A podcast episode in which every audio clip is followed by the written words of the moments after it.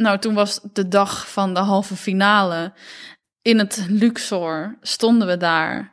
En we gingen echt gewoon helemaal op onze bek. Het was Gewoon echt... een plank mis. Ik sta nu nog te trillen. Dat ik denk, oh mijn god, het was zo verschrikkelijk vernederend.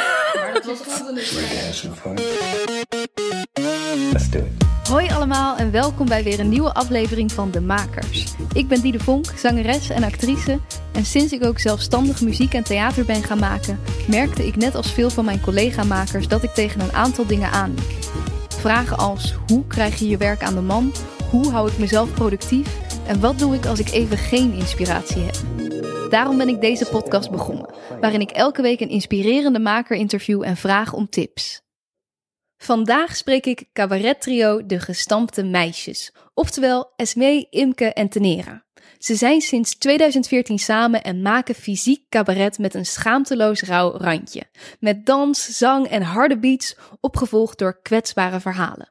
Ze wonnen al prijzen op het Amsterdams en Delft Fringe Festival, stonden in de halve finale van Kameretten en Leids Cabaret Festival en sinds 2019 ontvingen ze in samenwerking met Werkplaats Valhalla de nieuwe makersregeling van het Fonds Podiumkunsten.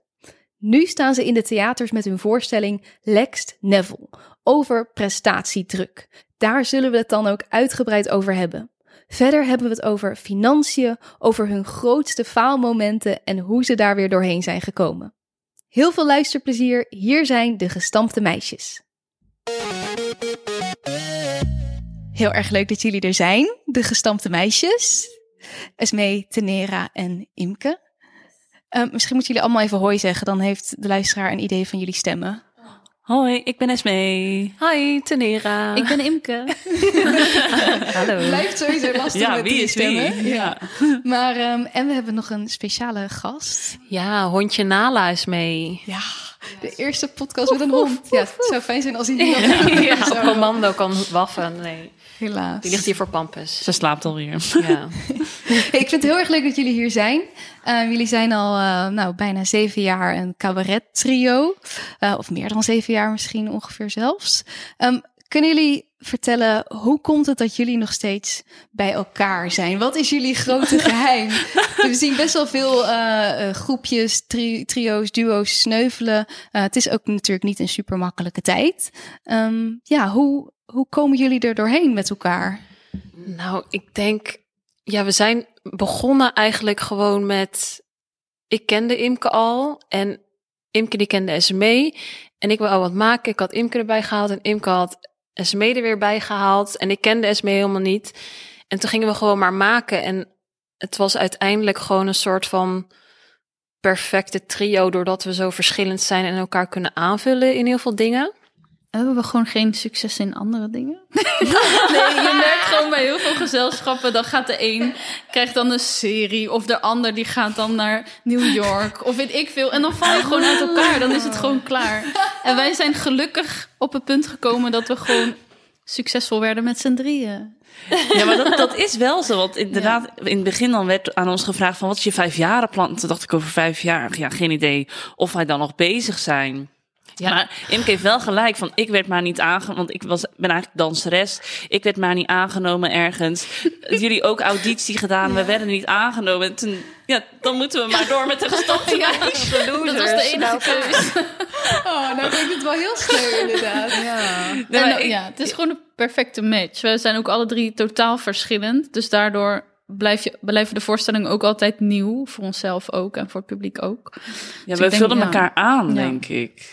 Ja, want hoe, wat, wat zijn jullie, wat, wat zijn jullie verschillen en wat zijn jullie overeenkomsten? Waarom werkt dat samen? Nou, Esme is echt de, de danseres of zij maakt de dansjes. En daar komt meestal het, eh, het grappige of de echte, de, de, de leuke flauwe grapjes komen daaruit. Die we dan altijd, nee Esme, want dan zegt ze altijd, zegt ze, oh dit is echt super dom. Maar wij we Zeggen dan, zeggen dan, nee, dit is juist heel goed. Hou Ja. alsjeblieft wie je bent, want dat is juist wat we nodig hebben in de voorstellingen. Ik denk als Imke en ik samen een voorstelling zouden maken, dan zou het een stuk Super abstract. serieus en abstract. Met en, gedichten. en- Ja, ik denk inderdaad, als je zeg maar één van ons weghaalt, dan, dan, dan werkt het gewoon niet dan is het geen gestampte meisjes meer. Nee. Dan is het gelijk uit balans, denk ik. Ja. En dat, was, dat is kenmerkend dan aan Esme. Wat Ja. is eh, kenmerkend aan Tenere? Ik ben wel denk ik degene die een soort van eh, altijd een boodschap wil brengen. Dus ik wil altijd een soort van diepgang erin en ik wil het ergens over hebben en dat het niet gewoon maar grappig is voor het entertainment. Ja, persoonlijke verhalen. Ja, ik vind het gewoon belangrijk dat mensen de zaal uitgaan en nadenken van wow, wat heb ik eigenlijk gezien? En heeft het me geraakt door huilen, maar ook lachen of ja, die Ja. kant Ik meer. ben heel erg bezig met hoe, hoe, hoe dat dan verteld wordt. Dat het niet te oppervlakkig wordt of niet te dramatisch. Maar echt de hele tijd aan het onderzoeken naar Ja. hoe we dat verhaal kunnen, op de mooiste manier kunnen vertellen. Maar, Cool. ja. En dan nog de derde.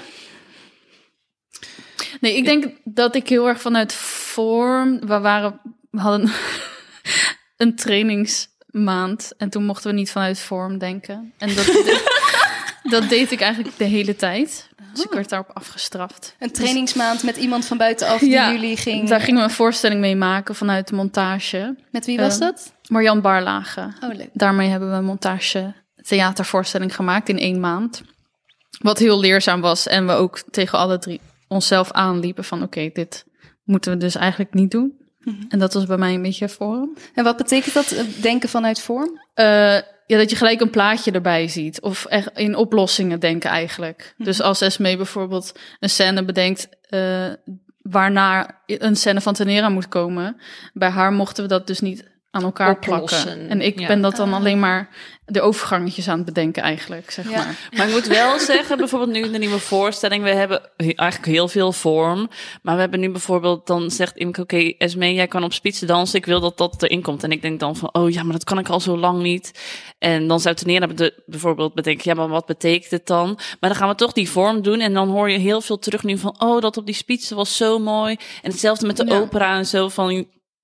Imke ziet bepaalde, die heeft bepaalde ideeën, maar het werkt gewoon supergoed. En ze heeft een soort van overzicht. Dus als wij zeg maar een soort van Ja. los zijn, we weten niet welke kant het nu op Ja. moet, dan is Imke altijd van, nou, we hebben dit, dit en dit, dan moet er toch zoiets komen nu. Ik ben En denk ik heel dan- nuchter vergeleken bij hun twee. Ja, wij fladderen dan alle kanten Ja. op en zij zegt van, ja, maar we moeten nu gewoon dit doen, Ja, want anders kom is het op. gewoon kut. Ja, Ja, we hebben niet zoveel tijd meer. Ja.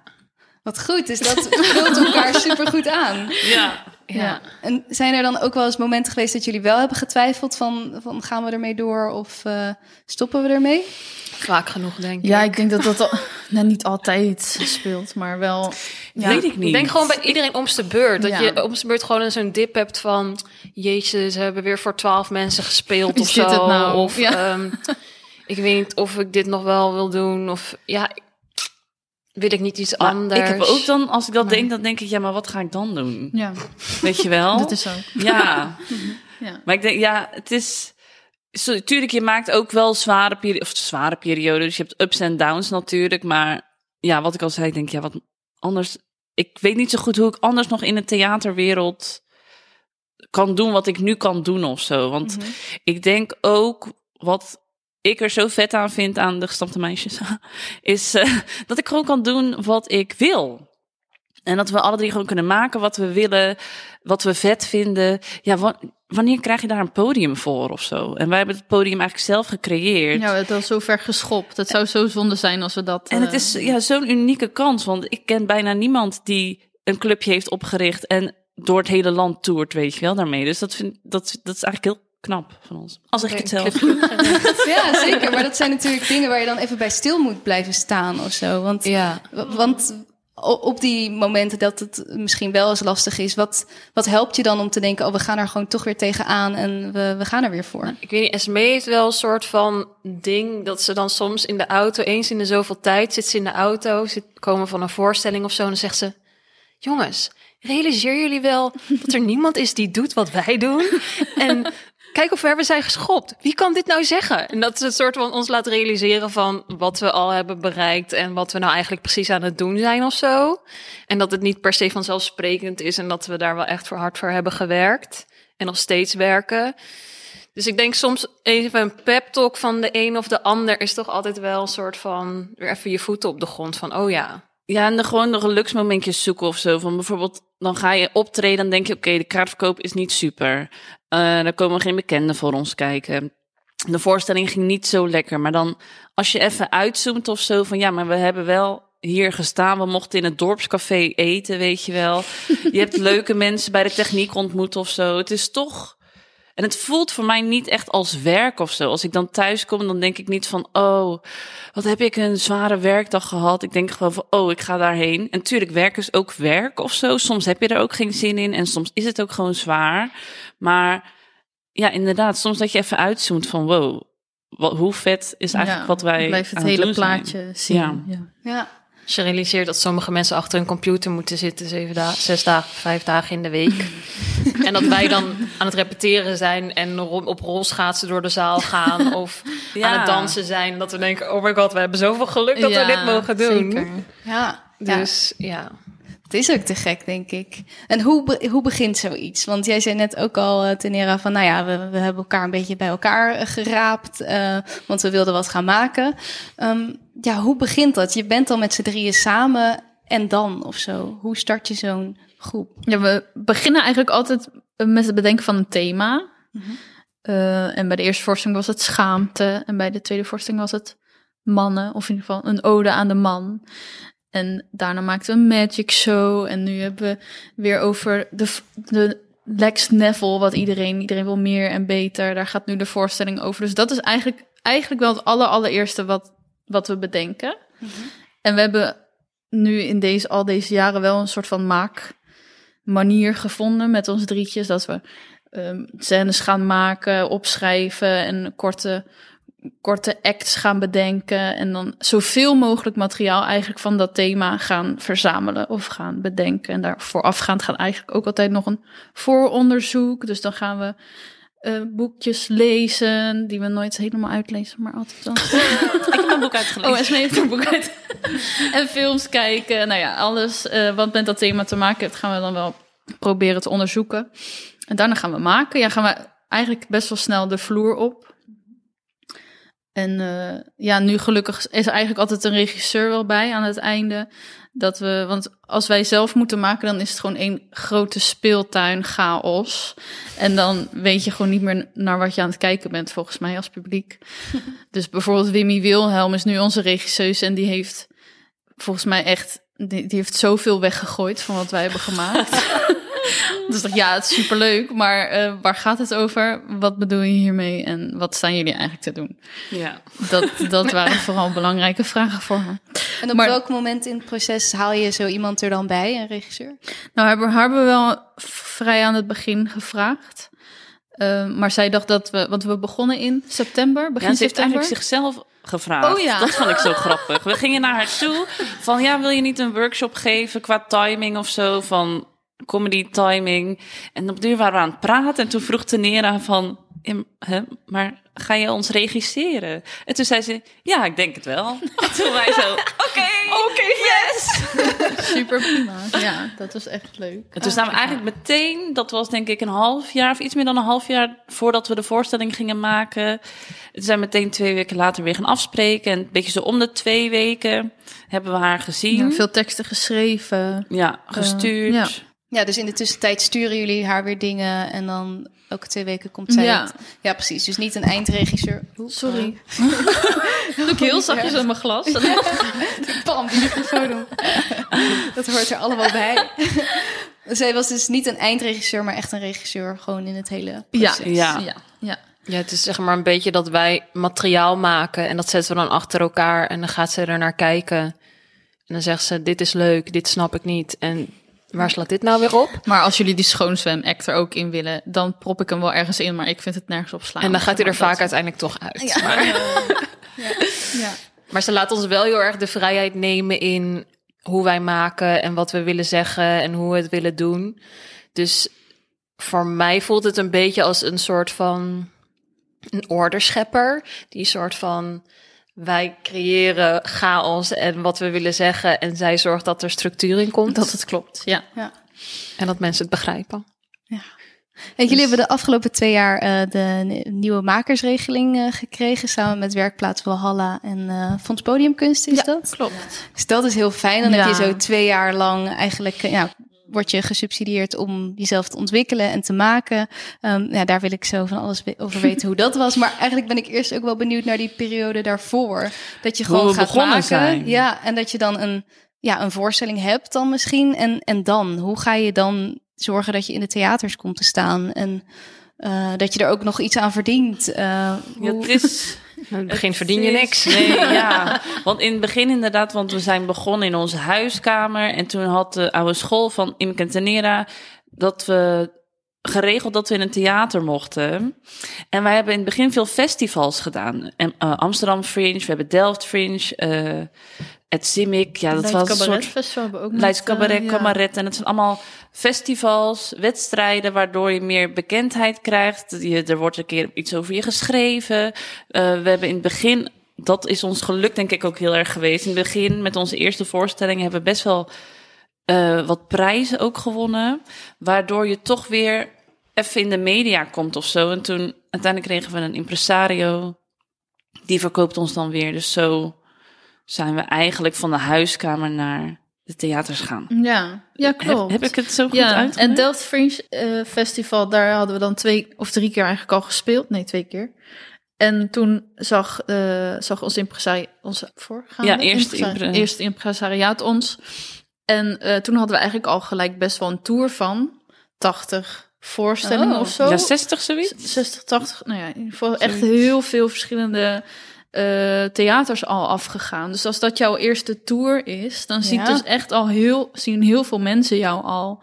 En als de voorstelling dan ook nog best wel goed ontvangen wordt, dan heb je daar gewoon echt profijt van in de voorstelling die, na, die, daarna, Ja. die je daarna maakt. En waar heeft dat impresariaat jullie dan gevonden? Wat voor festival was dat? Dat was Delft Fringe Festival. Ja, Ja. toen hadden we daar de publieksprijs gewonnen. Maar we zijn Ah, ja. met Theater Walhalla in contact gekomen met het Amsterdam Fringe eigenlijk. Ah, is Ons eerste voorstelling Schaamstreken. Toen wonnen we de Bronze Award op Amsterdam Fringe.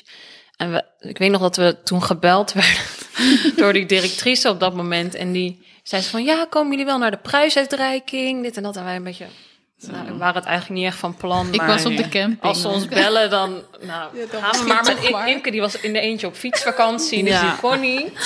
En wij dachten, nou ja, zal wel. Dan gaan we Ja, maar kijken. Want er waren mensen die ons wilden spreken, programmeurs of zo. Dus wij zo, oh, oké. nou, dan gaan we jullie- wel. Hoe Dan komt het gaan dat jullie, jullie hadden het gewoon niet verwacht? Of Nee joh, het was onze eerste niet. voorstelling. En toch denk ik een beetje het gevoel van alsof we maar wat deden of zo. Ja. Van nou maar hopen dat ze het leuk vinden. En toen wonnen we ineens een prijs. Dus dat was gewoon super bizar.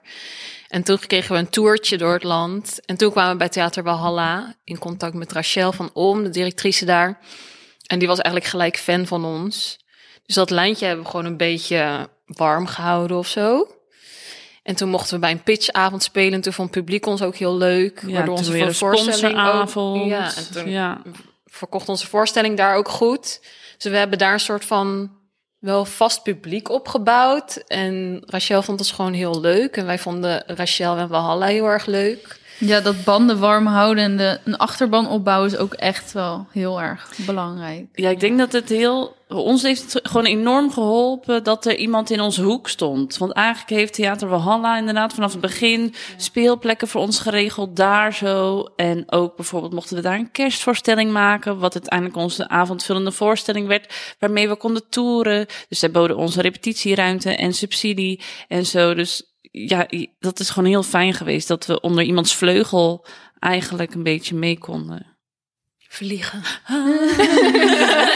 Nee, ja, maar dat heb je ook echt nodig als maker Ja, natuurlijk. Maar er zijn Ja. ook, ook veel makers bij wie dat dan niet lukt. Dus ik probeer altijd even zo uit te vogelen van wat zijn dan misschien dingen die jullie hebben gedaan, eh, waardoor je nou ja, toch die warme band hebt opgebouwd. Maar we merken, of ik merk ook wel dat als ik eh, beginnende theatergezelschappen spreek, die, wil, die willen gelijk naar het hoogste niveau. Of die Ja. willen gelijk voor 1300 euro in grote theater staan en zo.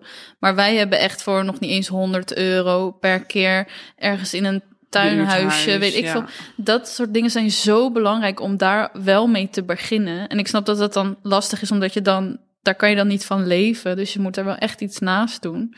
Maar dat heeft ons volgens mij ook wel echt gebracht tot waar we nu zijn. Dat Mhm. we echt gewoon vanaf helemaal nul, geen verwachtingen, maar iets hebben opgebouwd wat uiteindelijk is geworden waar we nu zijn. Ja. Ja, want hadden jullie toen op dat moment een plan van we willen over een jaar dit hebben bereikt? Of was het gewoon we gaan spelen en we zien Nee, wel? misschien is dat ook Echt wel. later pas is dat een beetje gekomen dat Ja. we erover nadachten. Maar in het begin eigenlijk niet. Want in het begin was het nog, ja, Esmee wou misschien nog een keer dansen op een cruise. En Imke die wou misschien nog een gezelschap in Den Haag overnemen. Dus het is allemaal een beetje zo van, ja, in het begin dachten we daar niet echt over na. Totdat we met Marjan gingen praten, Marjan Barlagen. Die kennen we al heel lang vanuit Docs. En die zei van, ja, wat is jullie vijfjarenplan? wij zeiden, wat? Geen idee. Maar ik denk dat dat Dus- dus ook heel erg belangrijk is. Dat je dus in het begin ook niks verwacht, alleen maar vanuit plezier iets aan het maken bent. En dat, dat je dat dan kan uitstralen naar de mensen die je. Ja, en overal spelen waar je kan spelen. Ja. Weet je, alles aanpakken. Maar dat, doen, dat, dat merk ik wel dus dat dat, dat theatergezelschap dat wel lastig vinden. En Ja. die willen natuurlijk iedereen uitbetalen. En het is allemaal, ja, het is, dat is al heel erg logisch. En dat is nu ook een heel ding natuurlijk. Fair maar, practice, ja. Precies, maar dat is niet hoe, hoe wij begonnen zijn. Een soort van zonder Ja, verwachtingen. En, oh, mogen we voor 100 euro? Wow, krijg gewoon geld, weet je wel. Oh, dat dan reisvergoeding, verdelen. yes. Weet je wel, ja, dat, dat je daar dan heel erg blij en tevreden mee bent of zo. Maar daar kwamen we ook misschien een beetje vandaan. We waren net afgestudeerd, zo een beetje aan het kijken wat we konden doen. Ja, ik denk inderdaad gewoon klein beginnen. We hadden ook bijvoorbeeld geen decor en zo, zodat je overal kan spelen. Gewoon zorg dat je mobiel bent, zorg dat het klein is, dat je overal kan staan. Ja, alles past in een shopper. We hebben op de gekste plekken gespeeld, maar dat zijn wel vaak de leukste Ja. of zo. En ja, je moet er natuurlijk ook niet van uitgaan dat mensen die jou niet kennen, dat ze je willen zien of zo. Dus je moet ervoor zorgen dat je zichtbaar wordt. En ehm, dat kan alleen maar door heel veel te gaan spelen. Want sommige theaters zeggen ook zelfs, ja, we programmeren hier eigenlijk geen mensen die niet op tv komen. Want anders komen mensen niet, want ze kennen je niet. Ja, Dus dat is gewoon zo'n groot ding. Mhm. En Ja. dan komen wij niet eens op tv en dan zijn we blij als we een zaal meer dan de helft vol hebben. Maar dat is wel een ding. Dus als je als beginnende maker denkt van ik ga wat maken en ik sta er gelijk. Ja, Het duurt even. leuk bedacht. Ja. Ja. En dat is, maar de- dat, is, dat is denk ik een supergoeie instelling inderdaad. En ook als je gewoon net begint, heb je al die frisse energie nog. En dan denk je, we gaan ervoor. En, maar er moet natuurlijk een, er komt een punt dat je denkt, ja, nu moeten we er ook iets aan gaan verdienen. Want we stoppen er steeds meer tijd in. En eh, ja, hoe, hoe komt zo'n omslagpunt? Ja. Ik denk dat het eigenlijk een beetje was voor, dat we de nieuwe makersregeling aan gingen vragen. Want toen was het voor het eerst mogelijk dat we, oké, we gaan eh, workshops volgen en we gaan ons ontwikkelen. En daar krijgen we dan betaald voor. En voor het hele repetitieproces en zo. Want dat hebben wij eigenlijk ook nooit echt gehad. Ook al hadden we wel subsidie. Je kijkt eerst, oké, wat, wie en wie en wat moeten wij zeg maar uitbetalen? Oké, wat blijft er over voor ja, we zes hebben weken? onszelf repetitie? nooit uitbetaald. Nee, ja, je neemt je wel mee of zo in de begroting, maar je kijkt eerst, ja, wat moet er nog meer?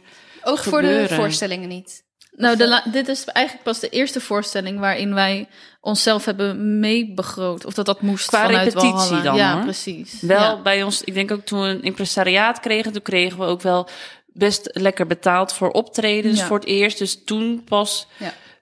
door dat impresariaat en dat je een avondvullende show hebt, dan krijg je gewoon een redelijk bedrag en daar, toen zijn we geld gaan maken. Ja, maar, dus dat repetitieproces, dat is inderdaad iets wat gewoon heel vaak eigenlijk daar nog een beetje buiten Ja. valt. Ja. Ja, dat je dan voor je gevoel dat soort van allemaal zelf maar moet financieren. Maar dat hoeft eigenlijk ook niet. En andere dingen dus belangrijker vinden ook. Dat er, er zijn bijvoorbeeld Ja. een vormgever of een technicus die al vanaf het begin met ons meedoet. Ook Ja, gratis ja. en voor, wij- of voor weinig. Die wil je dan ook eigenlijk nu als eerst uitbetalen. Terwijl je bent zelf ook heel erg belangrijk. ja. Ja. Ja, hadden Ja, jullie... die switch is best wel moeilijk hoor. Want we hebben ook wel eens discussies gehad van... Ja, maar krijg ik nou nog geld van dit en dit? En toen dat ik dan... Ik ben dan van de boekhouding. En dat ik dan moet zeggen van... Ja, maar we hadden toch afgesproken dat we dit moesten bewaren voor dat. En dat je daar toch soort van vooruit moet denken van... Wanneer betalen we onszelf wel en wanneer niet? En wanneer... Ja. Ja, en daar hebben we ook nog wel eens discussies over. Mhm. Omdat ja, in hoeverre kan en ga je jezelf uitbetalen? En Want wat, wat, wat voor... deel moet investeren? Ja. Ah ja, want het geld wat je natuurlijk niet uitgeeft, kan je weer eh, Ja. eh, investeren in een volgende voorstelling. Precies. Ja, Of in een fotograaf voor nieuwe content of Merchandise. Merchandise. Allemaal dat soort dingen. Het is niet alleen maar je speelt en that's it. Nee, het kost zoveel. Er komt veel meer bij kijken Geld. natuurlijk. Alles. ja, maar ja, zo, zo blijven er ook altijd dingen inderdaad waar je geld aan uit kan geven, wat niet naar jezelf gaat natuurlijk. Ja, precies. Ja. En eh, ja, wat zijn die discussies daarin? Of hebben jullie daar een soort van vorm voor gevonden? Nou, het ligt ook een beetje aan, volgens mij, onze eigen financiële achtergrond is bij ons alle drie ook totaal verschillend.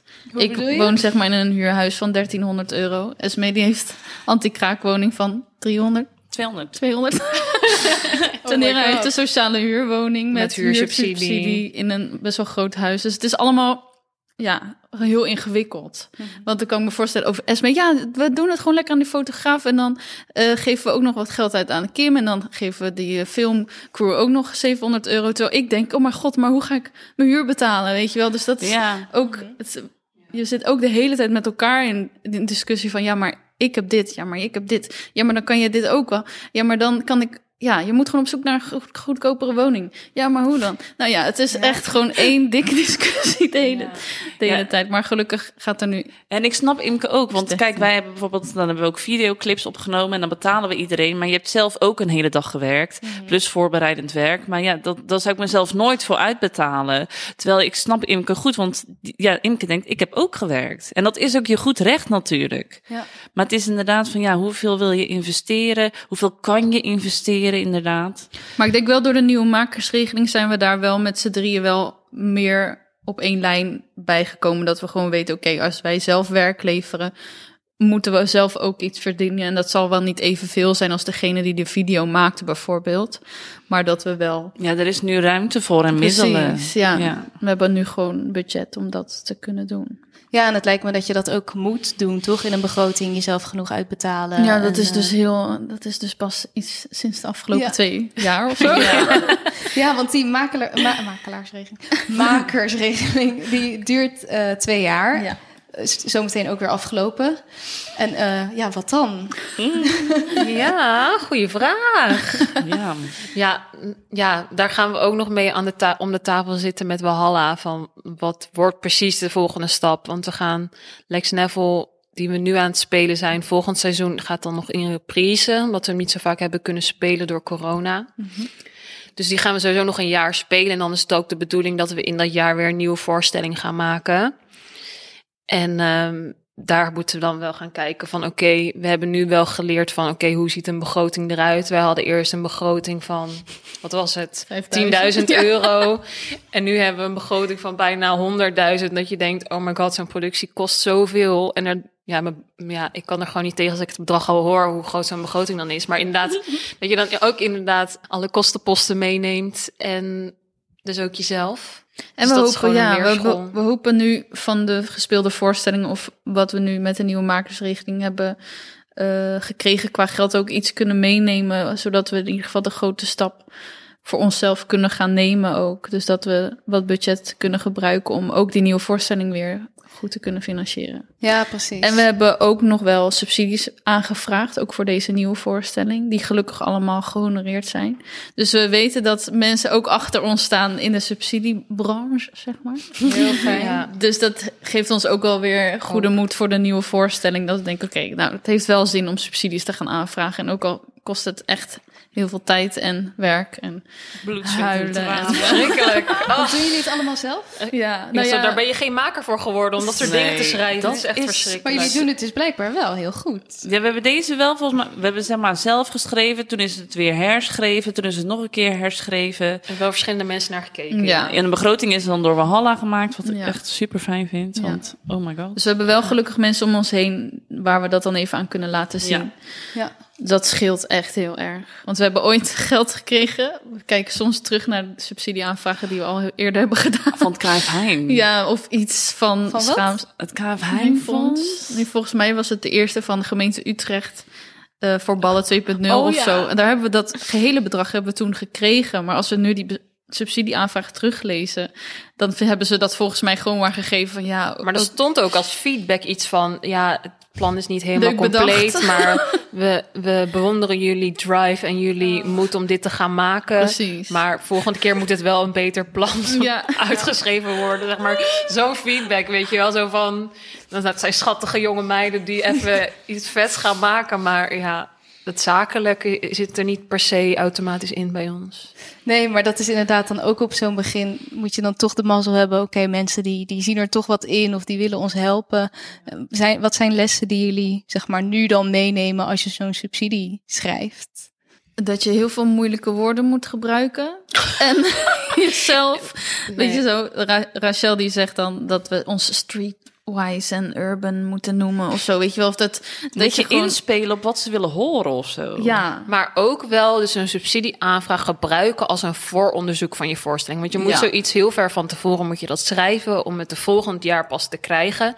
dus je idee. moet het echt, omdat het anders echt gewoon alleen maar trek aan een dood paard is, dat je het echt moet zien als oké, dit is gewoon een vooronderzoek voor mijn voorstelling en ik ga hier helemaal uitpluizen wat ik ga doen, hoe het eruit gaat zien en wat ik wil vertellen ja. en waarom. Ja. Dus ook echt voor jezelf. dus voor jezelf kan het uiteindelijk ook helpen, maar dat zagen we in het begin niet echt. Dachten we alleen maar Alleen maar poep uit onze vingers. En nu is het echt Ah, dat een is wel een goeie, ja. Dat Ja. je het inderdaad echt gewoon inzet voor je eigen voorstelling. Precies. Want Ja. nog steeds, ook bij het maken, dan gingen we halverwege gingen we nog eens kijken naar wat voor plan hebben we nou geschreven. Want wat was onze insteek? Ja. En eigenlijk is het inderdaad super fijn, hou vast uiteindelijk. Ja. Achteraf. Ja. En het moet er ook leuk goed uitzien. gewoon leuke foto's. Ja, gewoon nice. Leuke aankleding, Vette layout. Ja. Laten we even gaan luisteren naar jullie faalverhaal. Oh, mooie.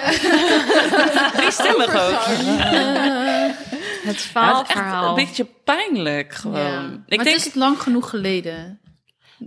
Maar er zijn wel twee. Ik vind ook Leids Cabaret. Ja, is ook een faalverhaal. maar daar maar- konden we niks aan doen. Ja, maar alsnog was het echt gewoon alsof je met een mes in je rug gestoken We wordt. hebben er Ja. drie. Drie. Ah, het begon, nee, het, begon, het begon met Leids Cabaret. Het was 2017. Vertel Esme. Nee, Take it away. nou, we deden Leids Cabaret. ehm, ja, het was eigenlijk zo gezegd tegen ons, want we deden eigenlijk theater. En mijn mensen vonden het heel grappig. En toen zeiden ze van, dan moet je niet een eh Leids Cabaret of doen. Dus wij dachten, ja, oké. Het ging supergoed. Iedereen vond het leuk. We kregen superveel positieve reacties. Zelfs de Harry Kies heette die. Die zei van, ja, als jullie niet in de finale staan, dan weet ik het ook niet. En dan moet je met z'n allen in de coulissen staan. En dan gaan ze de namen opnoemen van die niet door zijn. En het was de halve finale. Die, gingen ze namen noemen van die niet door zijn naar de finale. En wij stonden daar met z'n drieën zo. En toen zeiden ze, de gestampte meisjes. En je hoorde het publiek zo... En wij stonden echt met z'n drieën zo in een soort group hug. En iedereen wou een soort van naar ons toe. En wij stonden daar zo. Laat ons maar even. Wat is dit? En, Ja. Het is gewoon gek, want de mensen, ja, niet bashen of zo, maar die dan naar de finale gingen, daar hoor je gewoon niks meer van. Dus dan, Ja, maar ze maar die hadden ook al- wel een stuk over ons geschreven, zo van de gestampte meisjes, daar zullen we nog wel genoeg van horen. Ja, oké. Maar ook dat er een groep heeft gewonnen die een soort van die uit België kwam en een soort van voor de grap meedeed. Oh, Die eigenlijk helemaal niet van plan is om verder als cabaretclub iets te gaan doen of zo. Dan denk je echt zo, oh, dan heb je echt zoiets pijnlijks afgenomen van iemand die dat dan wel heeft, weet je wel. Dus dat is dan wel echt. oh. En hij was dus totaal onverwacht eigenlijk ook. Eigenlijk wel. Ja, wel een beetje, maar ja, het blijft een wedstrijd, dus je weet het gewoon niet. Nee. En het hing af van een jury van vijf mensen of zo. En ja, en we brachten wel een nieuwe stijl op tafel waar ze misschien nog niet aan toe waren of zo. Of dachten van, nou, ik weet niet of dit cabaret is. Dus je weet het nooit, maar het, het, het viel wel rauw op ons dak. Ja. En hoe ga je daarna dan eh, door? Ja, gewoon zo. Ja. nou, de luisteraar. des te, des te harder en eh, groter en we, ja, gewoon eh, uitgepakt. Eigenlijk zijn we, he- hebben we ons heel, heel snel wel her- herpakt daarna. Ja, Ja, jullie jullie zijn een beetje nog- van boeien, dit was maar een wedstrijd. Ja, en jullie zijn nog naar de finale gegaan, maar ik kon Ja. het niet aan. ik, ik, ik, wilde, ik wilde gewoon niet meer daar naartoe.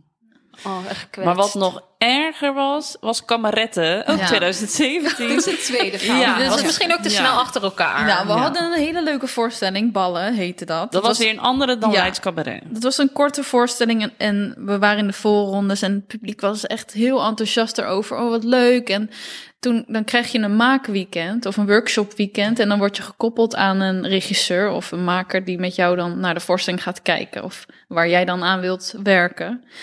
En eh, wij waren al echt een lange tijd, misschien zelfs al anderhalf jaar met die korte voorstelling ja, we waren echt lang al daarmee bezig. En heel veel gespeeld en op festivals. En toen dachten we, oh nou, tijdens dat workshopweekend vinden we het wel leuk om eventjes met een andere blik daarnaar te kijken.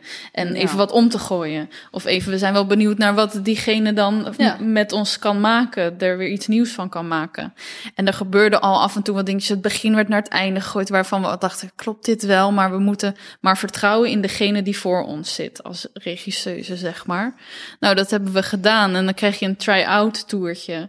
En dat liep allemaal niet lekker en het viel allemaal niet zo goed. En toen hebben we nog toch wel weer iets omgegooid. En nou, toen was de dag van de halve finale. In het Luxor stonden we daar. En we gingen echt gewoon helemaal op onze bek. Het was Gewoon een echt... plank mis. Ik sta nu nog te trillen. dat Ik denk, oh mijn god, het was zo verschrikkelijk vernederend. Maar dat was voelde het tijdens al. Ja, en Ja. maar het was ook aan ons hoor, omdat wij Tuurlijk. als makers hebben ons laten meeslepen door een mening van iemand anders, Ja. waardoor we eigenlijk een beetje van onszelf af gingen staan. Ja. Ja. Waardoor ook mensen zijn, ja, dit is meer gewoon een soort van platte voorstelling, wat bijna soms porno is. Ja. En ja, Oh man. dus Ja. we zijn een soort van niet bij onszelf gebleven. Dus ik denk dat we daar ook weer, weer heel veel van hebben Heel geleerd. veel. Van, Ja, zeker. moeten- Never again. Ja, we moeten echt bij onszelf blijven. En als we met iemand gaan werken, werken we met iemand die luistert en aanvoelt. Ja, Ja. wat wij maken en wat we willen zeggen. ja. Maar dat was wel heel pijnlijk, helemaal omdat het onze tweede keer zo'n wedstrijdje was. Ja, weet en je snel wel. erop En dan- inderdaad. Ja. Ja, dus ehm, ja. Ja, dat was wel pittig. Maar toen waren we, ze- we waren wel een soort van, oh, het, misschien is het wel goed gegaan. Of toen stonden we nog backstage en toen ging, eh, toen hoorden we eigenlijk al dat we niet door waren. En toen was het was allemaal zo, ja, oké, nou. Ja, mijn ouders zaten in de zaal. Mijn moeder kwam naar ons toe en die zei... Het was niet zo goed, hè? Toen dacht ik, oh my god. Als je ik kon- eigen moeder al. Ja, ik kon wel door de grond zakken. Verschrikkelijk, het verschrikkelijkste was gewoon dat het hele Luxor gewoon uit, het was gewoon uitverkocht. Het was Ja. gewoon helemaal vol. Maar vol belangrijke mensen Ja. en programmeurs en theaters. En Ja. iedereen heeft ons gezien. En dan, Oh, ja, sorry, ja, kijk, je kan op je bek gaan, maar gewoon dat we onszelf zo hebben... Dat we niet bij onszelf zijn gebleven, dat vind ik gewoon Ja. het meest jammer eigenlijk. Ja. En ben je dan inderdaad nog bang dat iedereen dat dan voor altijd gaat onthouden en dat het tegen je wordt eh, gebruikt? Maar iedereen dat is- onthoudt het ook. Ja, dat is ook zo. Iedereen ja? onthoudt het Ja. wel. Maar aan de andere kant, de impresariaat waar we nu bij zitten, die zat er ook. Ja. En die vond ons verschrikkelijk. En die wil ons nu heel graag hebben. En die is heel blij met de voorstelling die we nu hebben gemaakt. Zeker. ja. Dus je kan ook het tij weer keren. Ja. Dus geef niet op als je, op je bek gaat. Ja. Je moet wel laten en zien dat je het kan. Ja, jullie zijn weer Ja, doorgegaan. precies. Ja, Ja. zeker. We zijn geen opgevers in ieder geval. Nee. Eh, laten we het even hebben over jullie voorstelling die jullie nu aan het spelen zijn. Lex Neville. Over prestatiedruk. W- wanneer komt die prestatiedruk bij jullie het heftigste omhoog? Op wat voor momenten? Vlak voor een voorstelling. Ja? Ja, dan staan we in de coulissen en denk ik, oh ja, waarom doen we dit? Nee, we moeten wel presteren. Het publiek moet het wel leuk vinden. En tot, tot dusver is iedereen eigenlijk best wel positief. En dan, ja, je zit toch met een beetje met zenuwen zo van, oh, dit, deze voorstelling moet ook wel weer goed zijn. Want we moeten wel weer die stap verder. De Lex Neville. Ja. Ja, ik had dat wel heel erg in het maken ook. Dat ik dacht van, oh, we hebben een nieuwe makersregeling. Eh, we hebben nu anderhalf jaar al gewerkt, dus we moeten nu beter zijn en ontwikkeld zijn. Het moet beter zijn dan de volgende voorstelling. Dus ik was daar bij- tijdens het maken ook wel mee bezig. Dat ik dacht, oh, uh, Ja, een soort bewust. last op je schouders van, nu moet het gebeuren Ja. of zo. En dat is ook de reden waarom we dit, dit thema hebben gekozen. Want je bent aan het einde van de nieuwmakersregeling. En dan, ja, dan moet het inderdaad allemaal maar gebeuren. Maar dat, ja. Moet ja, je nog er maar zijn gewoon veel verwachtingen inderdaad. Want dan, nou, ik zeg het ook in de voorstelling. Er is wel, eens- dan heb je een voorstelling gespeeld en dan kwam een keer iemand naar ons toe van, oh ja, oh ja, was leuk. Maar ik vond eigenlijk de vorige voorstelling leuker. Ik denk, ja, dat is echt shit. Want je moet elke keer, het moet gewoon elke keer beter. Ja. En dan heb je iets gemaakt en je hebt je ziel en zaligheid erin gestopt. En als je dan te horen krijgt, oh ja, ik vond het eigenlijk minder dan de vorige. Dan denk ik, ja, shit, Ja. weet je wel. Je moet gewoon, ja. je moet vooruit. En je moet, het moet gewoon beter, helemaal naar die nieuwe makersregeling. Maar ja, dat kan je natuurlijk ook eh, ontzettend de put in eh, praten. Als je altijd met die druk eh, aan het maken bent en een voorstelling aan het maken bent. Ja, hoe, hoe doe je dat dan? Ik denk dat eh, hoe we deze voorstelling nu hebben gemaakt, dat we ook wel vrij snel eh, merkten dat het een hele andere soort voorstelling zou worden. Of in ieder geval de gestampte wijsjes worden volwassen. Een soort van minder plat, maar meer met diepgang en gewoon net iets, ja, echt anders. Dus dan denk je ook van, oké, we gaan wel weer iets anders laten zien. Dan weet, dat weet je sowieso. Maar of ze het dan goed vinden, ja. En weer een andere regisseur. Die, die ook weer een nieuwe visie heeft. En waarvan je weet. Ja, toch vind ik het dan heel geruststellend dat zij dan grote namen heeft geregisseerd. En dat ik dan toch denk van nou, dan, zal, het wel, dan zal het wel goed komen. Haar naam zo groot mogelijk overal. Ja, ook. dat zij zegt van nou, dames, het mag wel wat kleiner, eh, mijn naam. Dus, eh, Oké. Oh, maar dat je dus eigenlijk ook een soort van kan ontspannen door de, de, de regie die erop staat. Ja, precies. Ja, dat je Ja, daar wel vertrouwen in hebt. eh, ja. Zo van, als wij het verprutsen, is er altijd wel iemand die er wel weer wat aan elkaar kan knopen, waardoor het weer klopt of zo. Precies. Dat hebben we dit jaar wel echt, ja. Dat je weet... In het begin waren we nog wel onzeker. Zo van, past ze wel bij ons? En eh, klopt dit wel? Maar na het einde toe hadden, waren we, wel echt, we waren wel echt een match. En je weet gewoon van, oké... eh, als wij een voorstelling filmen en zij ziet het, dan kan zij gewoon zo zeggen: Ja, dit is gewoon kut. Dit moet je gewoon even anders zeggen. En dan, de, dat, als we dat dan doen, dan werkt dat ook meestal gelijk. Ja. Dus dan heb je wel vertrouwen in diegene die dan voor je, ja, je voorstelling regisseert. En, en hoe ziet het eruit? Wat, wat kunnen mensen verwachten als ze komen kijken? Spektakel. Fantastisch. Nee. Eh, Nee, we krijgen wel vaak terug dat het zoveel aspecten zijn. Dus we hebben echt goede, we laten goede zang, goede dans. Multidisciplinair. Toch moeilijk om over jezelf te zeggen. Ja. En we hebben veel liedjes gemaakt in de coronaperiode. Die zitten er ook bijna allemaal in.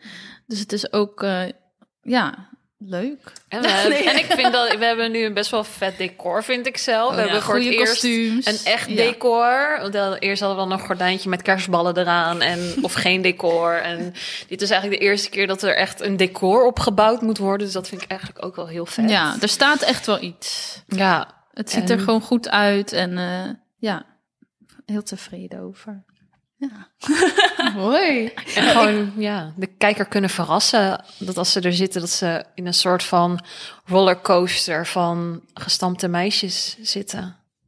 En Oh. onze blik, alle, echt, onze, alle drie onze blikken zitten er heel goed Visie. in. Visie. Ja. En wat, wat zijn die visies? Zijn jullie daarin verschillend van elkaar? Ja, Esme die wil altijd beter en groter en mooier. En, maar daarachter zit eigenlijk dat ze gewoon wat ze eigenlijk het liefst zou willen, dat ze dat nooit meer zou kunnen doen. De prima ballerina worden. Ehm De danseres. ja, dat is ook wel pijnlijk Ja. natuurlijk ergens. Ja, we hebben alle drie wel echt een, een verhaallijn Ja. gekregen. Die dus ook persoonlijk... Ja, Zeker, ja. ja. Tenera die eh, wil de barricade op. Die is helemaal het klimaat en eh, De we wereld moeten- moet beter. ja, alles moet, eh, moet beter en eh, wij doen niet genoeg of zo. eh. Glas in de glasbak is zeg maar niet genoeg voor Tenera. Nee. En Imke die snapt het hele presteren eigenlijk helemaal niet. Wil gewoon Heerlijk. Ja, Ja, waarom denkt, eigenlijk? ja. Waarom doen we het? Waarom moet het altijd meer en beter? En, Je kan toch ook blij zijn met wat je al doet en waar je al gelukkig van wordt. Ja. Zeker. Ah, en die zijn allemaal met elkaar vervlochten Ja. en komen terug Ja. in de voorstelling. Ja, ik Ja. heb al een klein stukje gezien bij Delft Fringe. Oh, dat ja. vond ik heel erg leuk. Het is wel heel anders, Ja. toch? Er zitten wel dezelfde dingetjes in, maar het is in zo'n andere Vorm. vorm Gegoten. Ja. Dus kom zeker nog een keer kijken. ga ik zeker doen. Eh, We moeten hem al een beetje afronden. Ja, maar. Oh. zijn er eh, nog... eh, ik vraag altijd op het einde of er nog lessen of tips zijn die jullie ja, hebben geleerd tijdens jullie weg, eh, die je nog mee zou willen geven aan mensen die luisteren.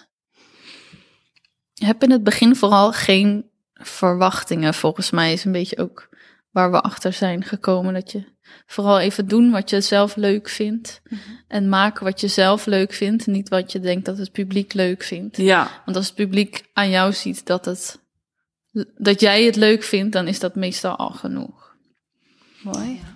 ja, niet te veel rekening houden met andere mensen. Maak wat jij vet vindt. En geef niet het ook op. vet. Geef niet op. opgeven. Ja joh. Don't give up. Behalve als je het echt niet meer leuk vindt. Ja, dan moet je gewoon je stoppen. moet, niet, je, moet, je moet niet aan dat dode Het paard moet- trekken. Het dat moet wel niet. leuk blijven. Oh, mooie laatste pep talk woorden. Ja, waar kunnen we het nog allemaal zien en hoe kunnen mensen jullie speellijst vinden? Oh, op www.degestampte meisjes. Net een hele nieuwe site gemaakt door Esme. Wauw. Ehm, die, eh, daar staat de hele speellijst op en kan je meer informatie vinden. Facebook, Instagram, hou dat in de gaten. Spotify, Volg ons op TikTok. YouTube. Ja, ook TikTok. Beluister al onze liedjes op Spotify. En- Ik vind jullie liedjes wel echt geschikt voor TikTok-dansjes. Ja, toch? Voor, voor, die moeten gewoon... eh, Ja, we moeten gewoon Ja. voor elk liedje een, even een, Een TikTok-dansje maken.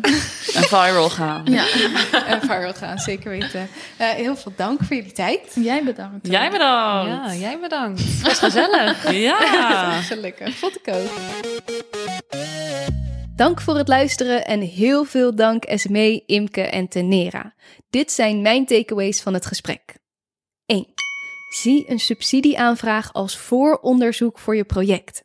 Zie het niet als iets nutteloos wat nou eenmaal moet, maar pak echt de kans om daarin al te onderzoeken wat je precies wilt maken. 2. Verwacht niet te veel. De kans is gewoon heel klein dat je als je net begint al in de grote zaal van de Schouwburg mag staan. Zelfs de kleine zaal lukt niet meteen. Zorg dus dat je echt begint vanuit plezier, vanuit willen spelen en daar een enorm enthousiasme voor hebt. 3. Maak jezelf daarin ook flexibel. Door niet direct met een gigadecor en een band te werken, kan je op veel meer plekken spelen. Hou daar rekening mee als je je voorstelling maakt en maak vooral bewuste keuzes hierover. 4. Prestatiedruk is zeker in dit vak een hele lastige. De meeste makers willen altijd beter, meer en verwachten een hoop van zichzelf. Wat de gestampte meisjes hierin helpt, is dat ze een regisseur hebben die ze vertrouwen. Zoek dus mensen in je omgeving die je vertrouwt en die jou ook kunnen helpen en begeleiden. 5.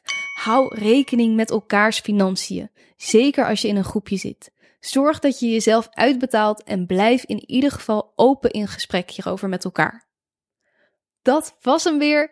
Dan nog even een mededeling over mijn Petje Af pagina. Via Petje Af kun je deze podcast steunen, zodat we afleveringen kunnen blijven maken. En daar krijg jij dan ook nog een hele rits onmisbare zaken voor terug die je waarschijnlijk goed kunt gebruiken als maker. Je kunt namelijk al voor 3 euro per maand steunen en dan krijg je een e-book met wel zo'n 3 à 400 tips van de afgelopen jaren de makers. Eh, je krijgt een lijst met subsidies, waar je die kunt aanvragen en wanneer. Ook komt er binnenkort een lijst op met festivals die tof zijn voor jonge makers, een werkboek met opdrachten uit mijn solo-podcasts en nog veel meer super fijne en handige informatie. En als klap op de vuurpijl vind je daar meer dan 40 inspiratievideo's die we hebben opgenomen met gasten. Dus genoeg te bekijken en te luisteren. Check www.petje.af slash de makerspodcast om te zien hoe je lid wordt. Tot de volgende keer! Vond je dit een leuk gesprek? Abonneer je dan op de podcast en volg de Makerspodcast op Instagram en Facebook. Delen of een recensie achterlaten is super fijn en laat het me vooral weten als er gasten of vragen zijn die je graag terug hoort in de podcast. Volgende keer staat er weer een bijzondere, inspirerende nieuwe aflevering voor je klaar. Deze podcast werd gemaakt door mij, Diede Vonk. De mixage is door Sonja Vos en de muziek is van David Schwartz. Tot volgende keer!